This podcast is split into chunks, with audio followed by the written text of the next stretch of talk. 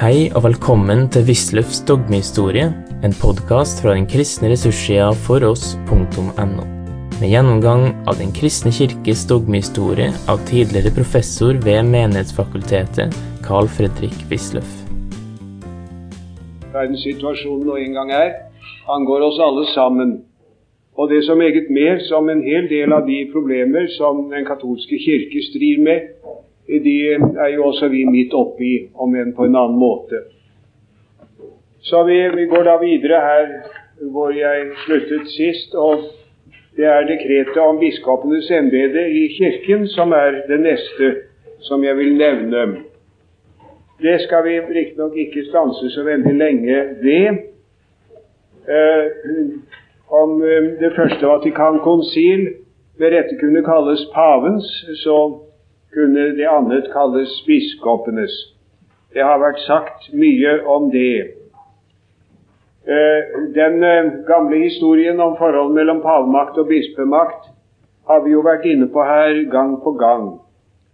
Og eh, vi har jo forholdsvis nylig her talt om galikanismen, den, disse fem galikanske punktene i 1682, og det noenlunde tilsvarende på tysk område med Emser-punktasjonen i 1786 og Febronius 15 år før omtrent. 1763. Og nå skulle det her bringes balanse i forholdet mellom paven og biskopene. Det har vi vært inne på. Nå, Dette dekretet om biskopenes embete i Kirken skal da sette disse tingene på plass. Men man vet ikke riktig, når man har lest det hele, om det er så skrekkelig mye mer langt man er kommet. Her heter det da at paven har ex divina institutione, full, universell og umiddelbar autoritet over hele Kirken. Hans autoritet er over alle kirkene og alt som angår dem. Den står over biskopene. Den er hans i kraft av hans embete. Sånn heter det. Men så har biskopene i kraft av sin ordinasjon all den autoritet de behøver for sin tjeneste, og utgjør under pavens overhøyde et kollegium. Det har vi vært inne på her før. Det er noe nytt, dette med kollegiet. Det så vi på i, i konstitusjonen om Kirken. Man har ikke egentlig tenkt i, det, i de kategorier før. Og det kunne en stund se ut som det her var etablert noe ganske nytt, eh, også i sak.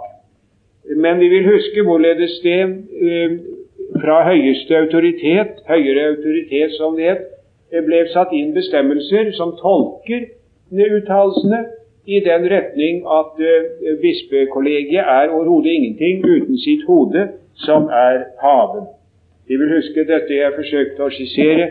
Det er ikke bispesynoden og paven som er de to størrelsene, men det er bispesynoden sammen med paven, og så er det paven. Det gjør jo veldig stor forskjell. Og dette gjentas her faktisk i dekretet om biskopenes embete i Kirken. Men det er en viss forskjell. Og Schillebex skal være en X på slutten av dette navnet på hollenderen. Han har sagt at uh, mens man tidligere kunne tenke seg en liste over ting som biskopene hadde tillatelse fra paven til å gjøre, så kan man nå snarere tenke seg en liste over ting som paven har forbeholdt seg selv, sier han. Det er så hva, stor, hva stor, mye realitet det blir i den saken, det vil man da se, få se fra tid til annen. Så eh, kommer det inn her at uh, paven Jo den 14. september i 64 har kunngjort at det skal holdes en bispesynode. Det har jeg nevnt her. Og det blir brakt inn i bildet i denne Eh, dekret om, om biskopenes embete. Men så kommer eh, det, det, interessante. Dekretet eh, avviser, står det, men det gjør ikke det. Det adviserer, hadde jeg skrevet. Så det blir nesten det motsatte. Det adviserer en revisjon av den romerske kuries status. Det innvarsler en revisjon av den romerske kuries status. Og det kom ikke etterpå. Eh, hva er kurien? Det er siden tusentallet betegnelsen på pavens hoff. og dets funksjonærer. En kunne si det er pavens regjering. Kurien er selve uttrykket for Romerkirkens sentralstyre, med paven naturligvis som øverste hode. Og Det ble organisert i slutten av 1500-tallet i en form som den vesentlige har beholdt til disse dager. Det er kongregasjoner, dvs. Si kollegiale utvalg til behandling av forvaltningssaker. Og hvor mange kardinaler skulle det være? Ja, det har det øh, vært ytterst forskjellig. Sixtus den femte fastsatte det til 70. Det skulle være på de 70 disipler som Herren hadde, øh, som et slags sidestykke til det på en måte. Men øh, man har aldri liksom hatt eh, passet på at det skal være akkurat 70. Det blir en plass ledig, nå må vi ha en til. Det går ikke riktig sånn for seg. Det har dels vært eh, atskillig færre, og nå er det mange flere. Så vidt jeg kan forstå over 100. Eh, og flertallet av disse eh, kardinalene de har vært, vært, italienere. Den romerske kirke har vært styrt av italienere, det er jo helt, helt tydelig. Men nå og, og, denne, og kurien har naturligvis vært sett på som tradisjonalismens vokter. Det er triumfalismens talsmenn, som det heter. Triumfalismen er uttrykket som har vært brukt så veldig meget på den innstilling som har vært den tradisjonelle i Romkirken meget lenge. Det er de progressive katolikkene som har preget uttrykket triumfalismen. Dette at eh, det praktisk talt ikke blir noen kirke, noen forskjell mellom den kjempende kirke på jorden og den triumferende kirke i himmelen. Men kirken her på jorden er allerede den triumferende. Det er et preg som den liksom har beholdt siden eh, motreformasjonens tid, heter det. Og det som springer så veldig sterkt i øynene når man går fra kirke til kirke i Rom og ser hvordan det hele er, det er jo barokken som preger eh, det bildet veldig. Og hele Eh, det er mange ting som er fra samme tiden. Eh, klesdrakt, bl.a. Eh, kardinalenes klesdrakt er fra den tiden, f.eks. Og hoffseremoniell hos paven er fra den tiden. Og det hele er voldsomt pompøst. Dette ville man da gjøre noe med. Og det gjorde da pave Paul med et med en bestemmelse i 1967. For det første så er, skal kuriens medlemmer nå være bare for fem år. Eh, de, de, kardinalene som altså skal sitte i Det er ikke uten videre identisk med kardinalene, det altså, men det er kardinaler som sitter i kurien som, den, som medlemmer av kongregasjonene. Og de skal uh, simpelthen uh, være utnevnt for fem år. Og når en pave avgår ved døden, så uh, avgår også eh, alle embetsmennene i kurien, sånn at en ny pave kan eh, utnevne eh, på nytt alle sammen. Han kan utvelge de som er, eller han kan ta teoretisk sett bare nye, om han foretrekker det. Eh, det er et ord som går etter Johannes den 23., eh, som han skal ha sagt. Han hadde vært pave en kort stund. Eh, jeg har sett det gjengitt på engelsk i denne form. I am in a bag here. Altså, hva skulle vi si på godt norsk? De drar meg rundt i en koffert. Han syntes han hadde ikke noen handlingsfrihet. Og det er nok det da også som Paul den sjette har hatt for øye. Dette var et veldig, eh, veldig, veldig gevinst, syntes hele den progressive fløy, naturligvis. Og Det var også mye tale om aldersgrense for biskoper, riktignok ikke noen statutarisk bestemmelse akkurat, men det ble antydet at 75 år eh, måtte kunne være passe kanskje eh, for høyere geistlige å tenke på å trekke seg tilbake. Meget upopulært, meget upopulært iblant disse høyere geistlige, som jo da ikke syns at 75 år er noen alder. Så kom det senere også et uh, dekret om presteutdannelsen. Det skal vi heller ikke bry oss så helt mye om. det er det, det preges i grunnen av den vilje til reform som man merker her hele tiden. Det er ikke for ingenting at dette er i 60-årene. Fremtidig historieskrivning vil ganske sikkert være interessert i å påvise en viss åndshistorisk sammenheng der. 60-årene, som vi jo har så like bak oss at vi har inntrykket av det, som på sett og vis fortsetter enda i noen grad, var jo preget av eh, oppbruddsstemning. Eh, annet eh, motstanden imot establishment. Mange av de glosene som vi nå så smått begynner å bli trett av, dannet seg på denne tiden ut fra en følelse som var gjennomgående, synes det, i menneskeheten om at det er, det er, i, det er i, i oppbrudd. Det, det, må noe nytt til. Nye strukturer, nye måter å gjøre det hele på. Og det merker man her også. Det bl.a. skulle være slutt på denne veldige eh, ensretting av utdannelsen.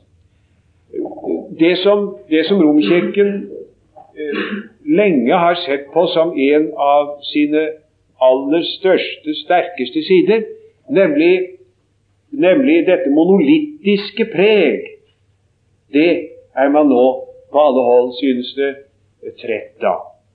Ja, det er naturligvis noen som holder på det, men de synes ikke å være så mange. Det er bare et spørsmål om, eh, om farten for de fleste tilfeller. Det er pluralisme som nå er løsende.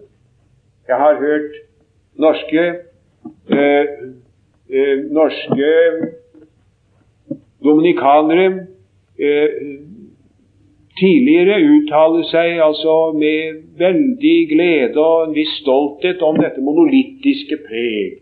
Man har den samme messe enten man er Hammerfest eller man er i Bombay sa en av de aller mest kjente av dem en gang, kan jeg huske, i en diskusjon. Det, det, det, det slår ikke an lenger nå. Det skal være annerledes. Og utdannelsen har også vært likt mest mulig overalt. Det har man sett på som en gevinst. Det gjør man ikke lenger. Det skal tas hensyn til de lokale omstendigheter. Og så skal eh, det legges vekt på det åndelige liv og studentene skal trenes for den ugifte stand. De skal gi avkall på det ekteskapelige liv for himmelrikets skyld, står det, og hengi seg til Herren med udelt kjærlighet. Det er sitat dette. De skal bringes til å forstå ekteskapets plikter og dets verdighet, men så skal de forstå preselentiam virginitatis Christo consecrata. At Ordet 'at' skal strykes. Altså Eh, det er ypperligheten i den virginitet som er viet til Kristus. Så skal studiet av Skriften være det viktigste. Ikke, uh, ikke skolastikere, men studiet av Skriften. Ikke dogmatikk, men skriftstudien er det viktigste. Det sies positivt, men man merker avgrensningen. Og så skal både østlige og vestlige patres studeres. Det tror jeg nok man må forstå litt, vite litt om fornemmelsen på dette hold for å, å, å, å kunne vurdere dem. Denne interessen for de greske fedre øh, vokste frem sterk i, i løpet av 50-årene. Vi merket det på mange vis at det var ikke Thomas og Thomas og Thomas lenger.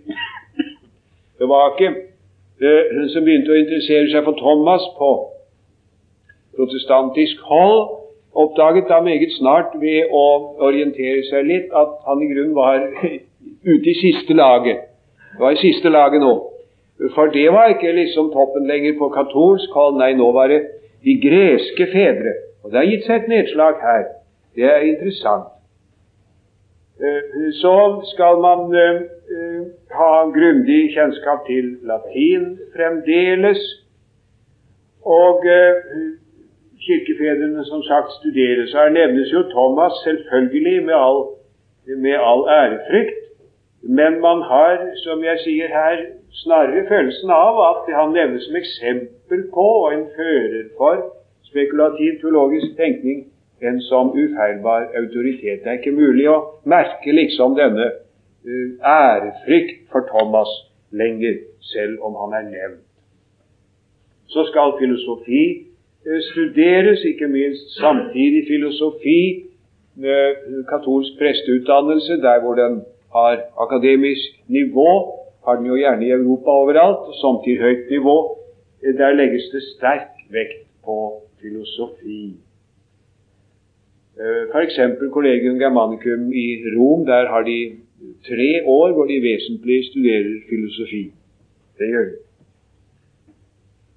Så skal studentene få grundig kjennskap til kirker og kirkelige sammenslutninger som ikke har samfunn med Rom, og de skal studere religionshistorie grundig.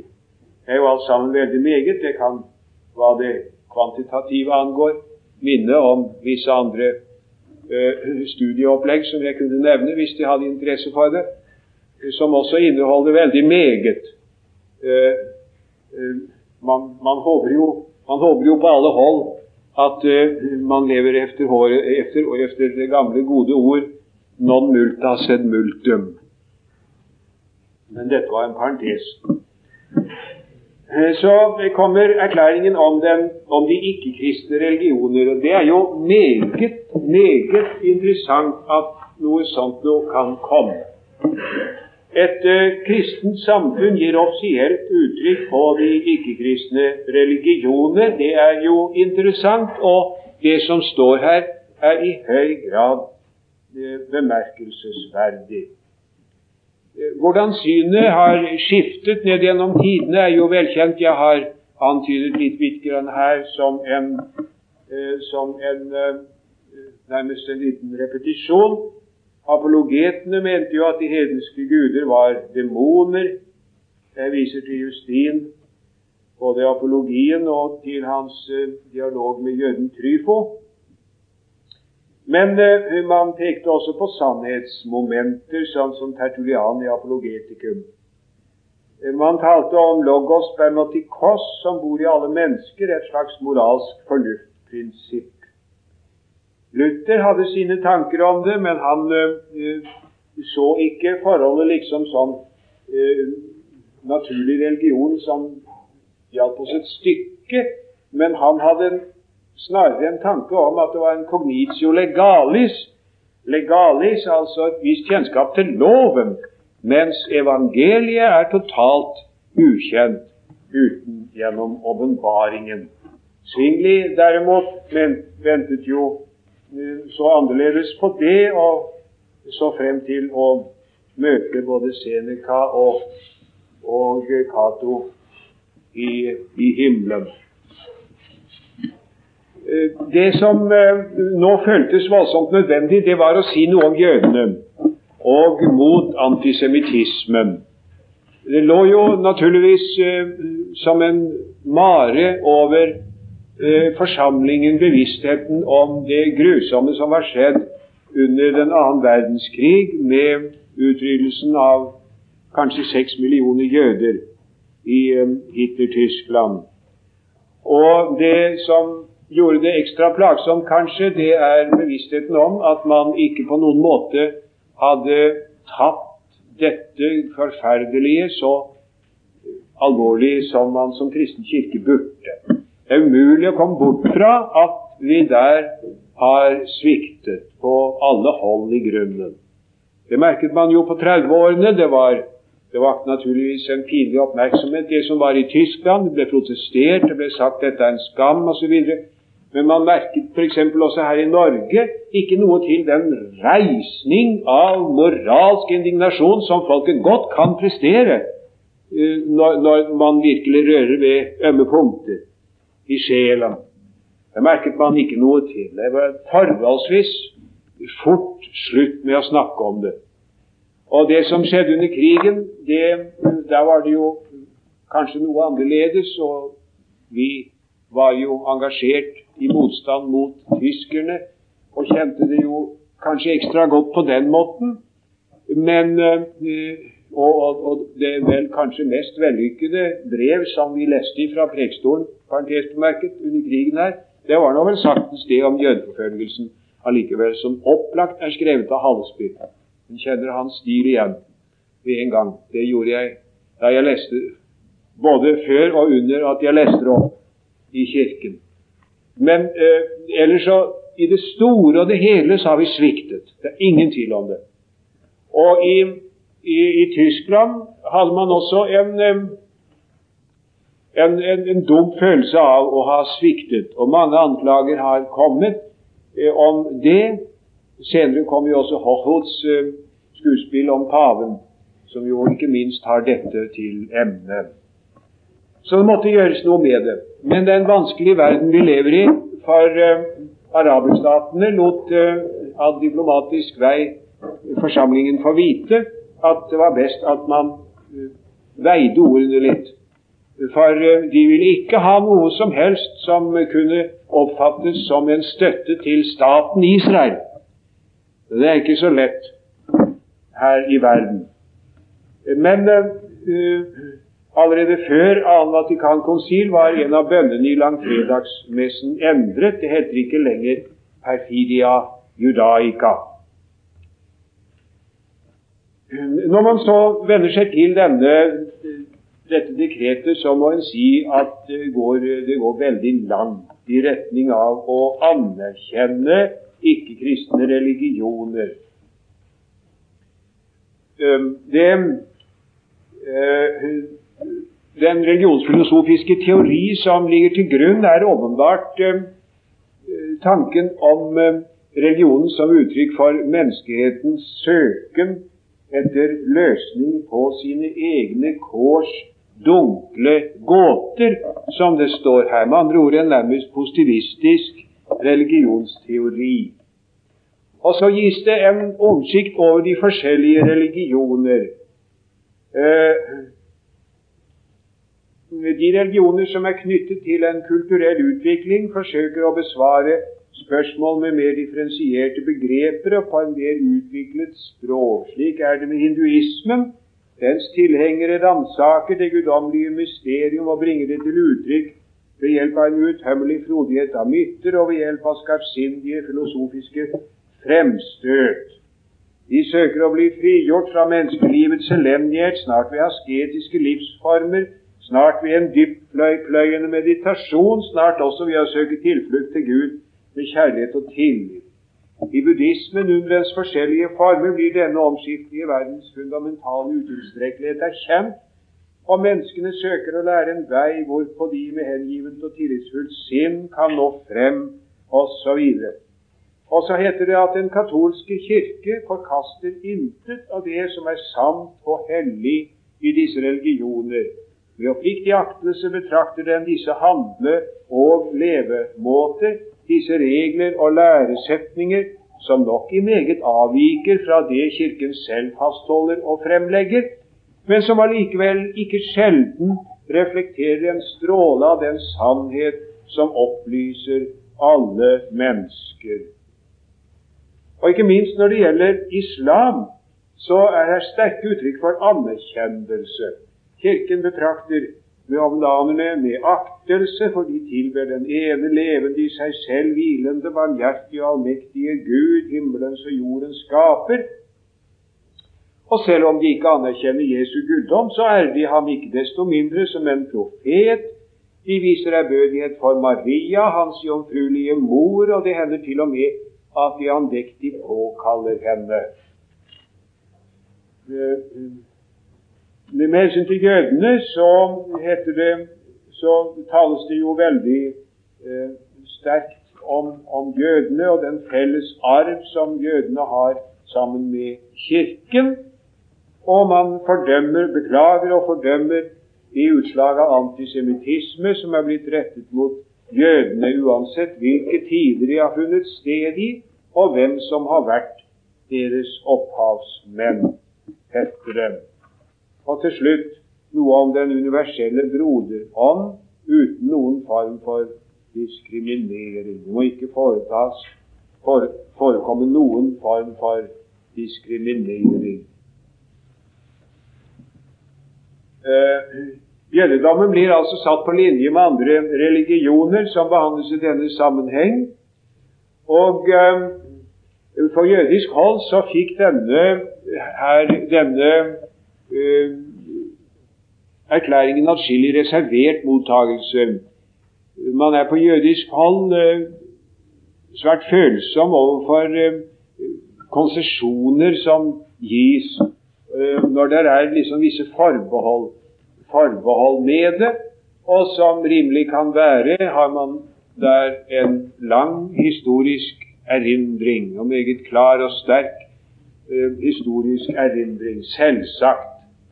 Så man er på det hold ikke innstillet på å juble så altfor høyt, så altfor fort.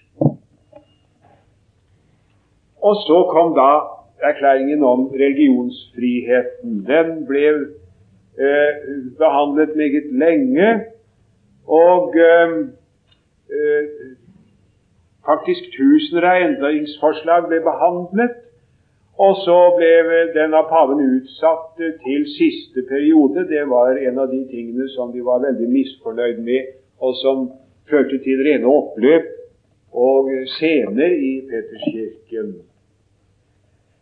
Nå, dette med religionsfriheten, der måtte det også sies noe. For eh, det måtte foretas et oppgjør med Kirkens tradisjon i så måte.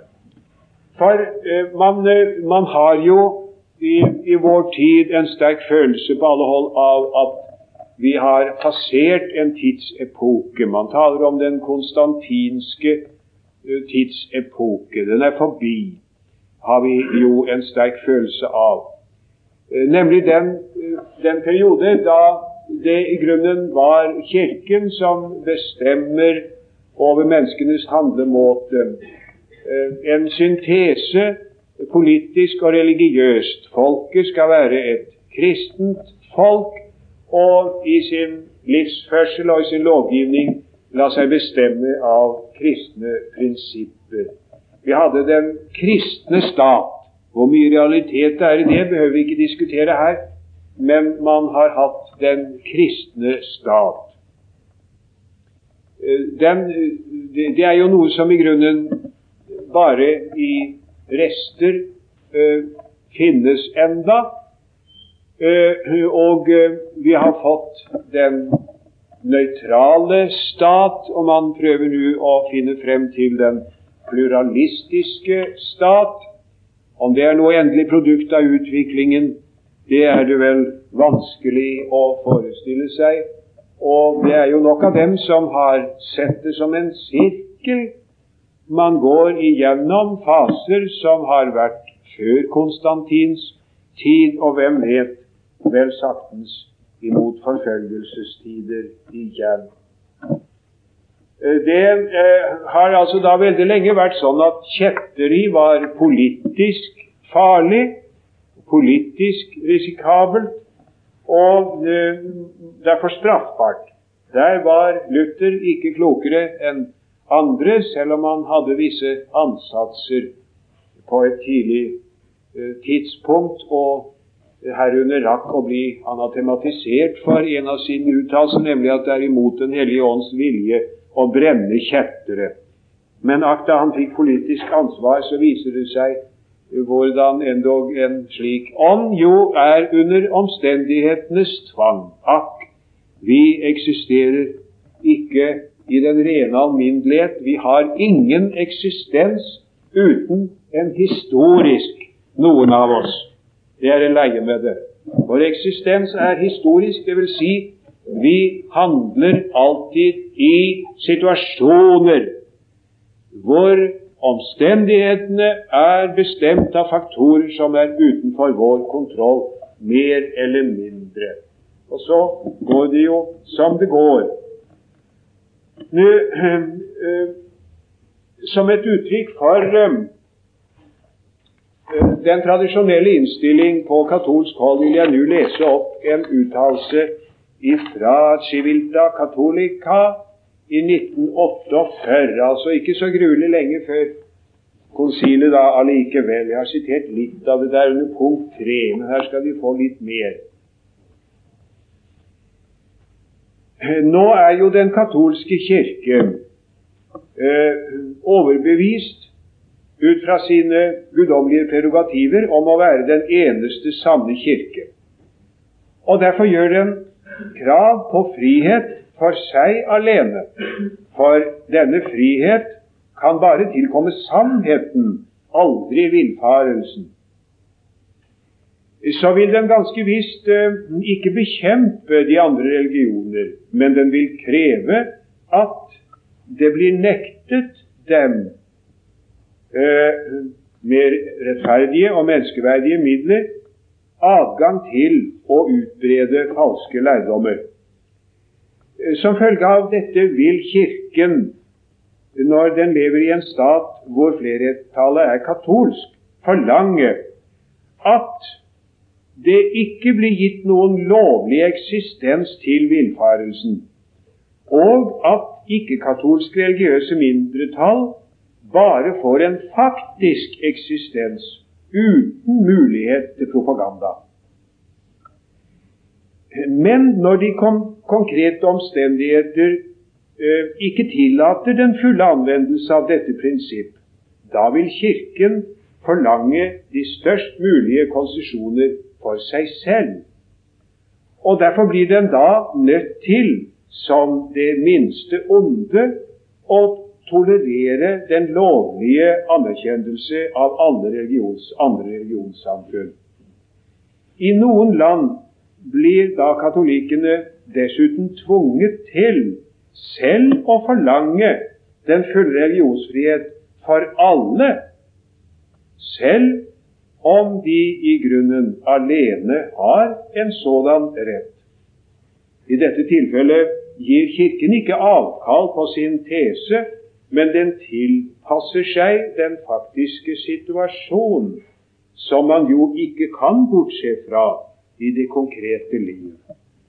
Altså kort og godt hvor man er i flertall og har makta, der skal bare den katolske kirke ha lov til å utfolde seg.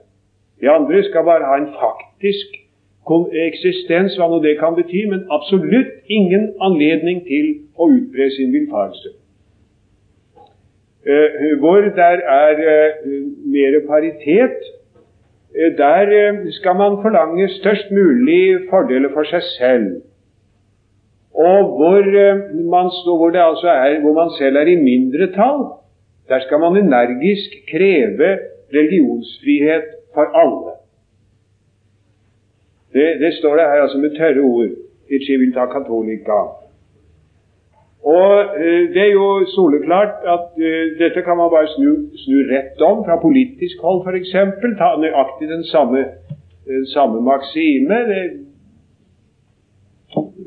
kommunister eller hva de vil, de kan si gå rett inn og bruke nøyaktig det samme. Men Johannes den 23. har da i Pacem Interis Eh, talt annerledes. Til menneskerettighetene hører også retten til å ære Gud i overensstemmelse med samvittighetens norm, både offentlig og privat. Nå er det jo aldri så eh, helt entydig her heller, da, for så vidt.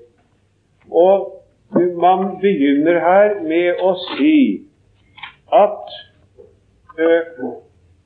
Først bekjenner konsilet, dette er i innledningen, at Gud selv har åpenbart for menneskeslekten veien til frelse og salighet i Kristus. Vi tror at denne ene sanne religion er å finne i den katolske apostoliske kirke. Der er verbet 'subsistere' brukt. 'Subsistit' står det, som jeg har pekt på flere ganger, som man på et bestemt punkt ville gi en innskrenkende betydning. Det er neppe holdbart. Eh, den samme religion er å finne i den katolske og apostoliske kirke. Alle mennesker er forpliktet til å søke sannheten fremfor alt i det som angår Gud og Hans kirke. Gripe dem og holde fast ved dem når de først har erkjent dem. Dette ble veldig kritisert det er ikke minst i Amerika. Jeg har atskillig materiale om det her de syns at her er det å gi og ta. Her er det å gi og ta. Og her var det den uh, artikkelen sto i Christian Century romanen om Anon Troppo, som jeg har nevnt for dem en gang før, med gatesangeren som altså har sitt positiv. Han trekker det ut, og han skyver det inn ettersom han trenger det for sine toners skyld. Uh, hvert menneske har rett til religionsfrihet, står det. Ingen har rett til å tvinge noen til å handle mot sin samvittighet. For religiøse samfunn har rett til å styre seg selv etter sine egne lover, og foreldrene har rett til å bestemme over sine barns oppdragelse. Interessant å se eh, dette femte punktet der, med retten til eh, si, å, å ha, eh, ta faktisk ansvar og bestemmelse for barnas religiøse oppdragelse. Det er tanker med veldig styrke i i Norden er det Grundtvig som først for alvor har sunget så det ble hørt på den sangen. Og, og staten har da ansvar for at det er religionsfrihet, heter det. Eh, nå, eh, som jeg sa, det har vært en del kritikk om, om det der. Eh, man har kritisert ordene om at alle har moralsk plikt til å bekjenne og omfatte den katolske tro. Det er jo det det egentlig står. Og det er På liberalt hold i Amerika Christian Century er den liberale fløys hovedorgan innen den amerikanske protestantisme. Der merker man en viss forundring over at noen enda snakker på den måten. Men i virkeligheten var det ingen grunn til overraskelse over dette. Den katolske kirke har ikke på noe, på noe punkt talt relativiserende om sin egen eh, status som Kristi kirke. Det er bare fordi man har fått det for seg at det er skjedd så veldig mye omtenkning på det punkt at man kan gå hen i noen sammenheng og bli overrasket over dette. Det kan ikke være noen tvil om at eh, denne, dette dekretet om religionsfrihet er et verdifullt dokument som jeg mener det er all årsak til å hilse med glede. Eh, hva man for øvrig kan mene om det som skjer Ingen kan ha noen annet enn glede, mener jeg, bør ha noe annet enn glede over at det her blir slått et slag for, for religionsfrihet i denne fulle mening som det her er gjort, uten at man gir opp sin egen overbevisning om dog å ha funnet sannheten. Og vi skal for alt i verden ikke innbille oss at den lutherske kirke er skuddfri. Takk nei, det er meget, meget langt ifra det. Vi har også i høy grad våre svin på skogen, historisk sett. Et uhyggelig punkt. Og noe gruelig, det, det der. Tenke seg Når man eh, f.eks. tar på, eh, på 1500-tallet ut igjennom Det er jo rene sjokk, altså, for en som har lest historielærebøker på skolen ikke sant, her og, og lest om hugenottene og lest om Bartlomeus-natten og sånt, noe sånt som vi leser om det. Og så setter man seg senere til å studere kilder til 1500-tallets eh, danske kirkehistorie. Og så oppdager man hva fromme lutherske biskoper og salmediktere syns om de tingene der. Da blir det sørgelig. Jeg har sitert litt av det i bind 1 av kirkehistorien. Eh, og eh, det, det, er ikke akkurat noe til å bli så veldig glad over akkurat. Og landflyktige hugenotter skulle ikke få lov til å slå seg ned i, i, i Danmark. og Laski og hans folk ble sendt ut av landet midt på vinteren og holdt på å fryse i hjel i det skipet sitt. Især fordi at de i hansestedene som var lutherske, jo ikke ville hjelpe dem. De lå der bare. De var jo ikke lutherske. Sånn at det var, eh, var uh, gjendøperne som i første omgang skaffet disse menneskene litt mat og fikk dem i land, så de ikke sultet i hjel og frøs i hjel midt i kristenheten. Uff, nei. Vi har ikke noen ting å skasse. Ikke spor. Jeg hadde tenkt at jeg skulle fått med også det som vi vil finne på side 211 om Kirkens misjonsaktivitet, fordi det henger sammen dels med Lumen Gentium om Kirken, og dels også med dette om religionsfriheten som jeg har nevnt i dag. Og jeg behøver ikke bruke så veldig mye tid på det. Det er ganske interessant av flere grunner. Eh, for det første fordi at man her møter tanker om hva misjon er i forhold til Kirken, som er jo å, å, påtreffe hos oss òg i, i høy grad. Altså misjonen som en dimensjon av Kirkens eget liv. Det er jo en tankegang som til dels har funnet endog overdrevne uttrykk hos oss. Alt er i grunnen misjon, og dessverre er det slik at når alt er misjon, så vet man til slutt ikke om det er noen konkret misjonstiltak i det hele tatt. Det har ikke bare vært fruktbart. Men det er i hvert fall så at man finner det igjen her. Uh, Ecclesia peregrinans natura sua missionaria es. Det er som talt av en hvilken som helst moderne protestantisk eh, misjonsspesialist. Så tales det om måten man skal eh, legge dette opp på, da, hierarkiets betydning, og eh, misjonen fullkommengjør den katolske enhet ved å utbrede den. Man skal ikke tvinge noen, ved uverdige midler til å anta den kristne tro. Og så kommer det om uh, forholdet til andre misjonsaktiviteter. Der skal man nå broderlig samarbeide. Ut skandalum divisionis pro posse forlater. At splittelsens anstøt mest mulig må, må heves. Og, og, her ser man jo da, hører man jo nå fra de forskjellige områder av verden at den katolske kirke opptrer helt annerledes enn før. Det er ikke forfølgelse og direkte motstand, men det er forsøk på samarbeid, som da riktignok kommer på en sånn måte at det i sin tur kanskje skaper enda større vanskeligheter de facto eh, for den evangeliske virksomhet. Det vil vise seg hva dette fører til. Eh, det tales om lekfolkets aktivitet, men det er her som ellers at eh, den, den det katolske relasjonen til geistligheten opprettholdes. Så det er her, og som overalt, i grunnen på katolsk hold sånn at jo mer aktiv lekfolket blir innenfor dette opplegg, dess mer avhengig blir de faktisk av av eh, den geistlige stand. Og så er misjon stadig hedningemisjon om eh, misjonsarbeidets nødvendighet i Latin-Amerika og Europa hører man her intet.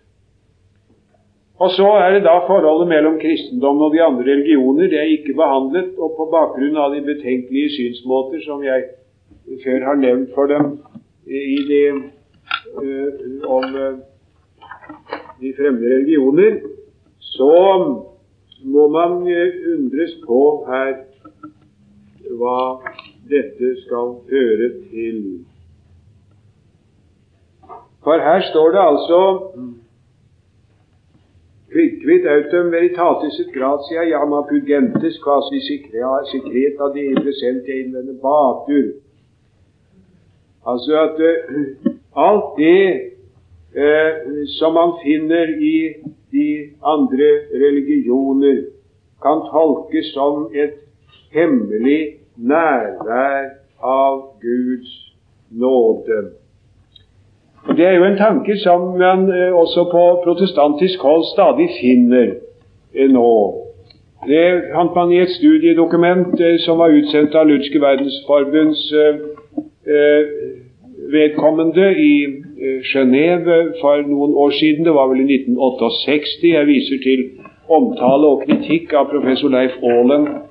Etter mitt syn særdeles riktige og klargjørende utredninger av Leif Aalen i luthersk kirketidene, hvor det også på en måte som knapt holder mål overfor den kristne tro på åpenbaringen, blir talt om en slik nærvær i de andre religioner. Uklare tanker som man bare må undre seg over hva det skal bli til med dem.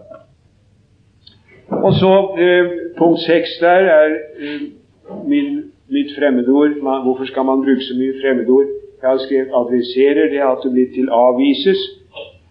Dekretet adviserer, altså innvarsler, en forandring i kongregatio de propaganda fide, de som skal bort. Det skal internasjonaliseres i overensstemmelse med den generelle tendens i Vatikanum II, heter det. Du har nå hørt Wisløffs dogmehistorie. Finn flere ressurser og vær gjerne med å støtte oss på foross.no. Følg også gjerne noen av våre andre podkaster, f.eks. Familielivet.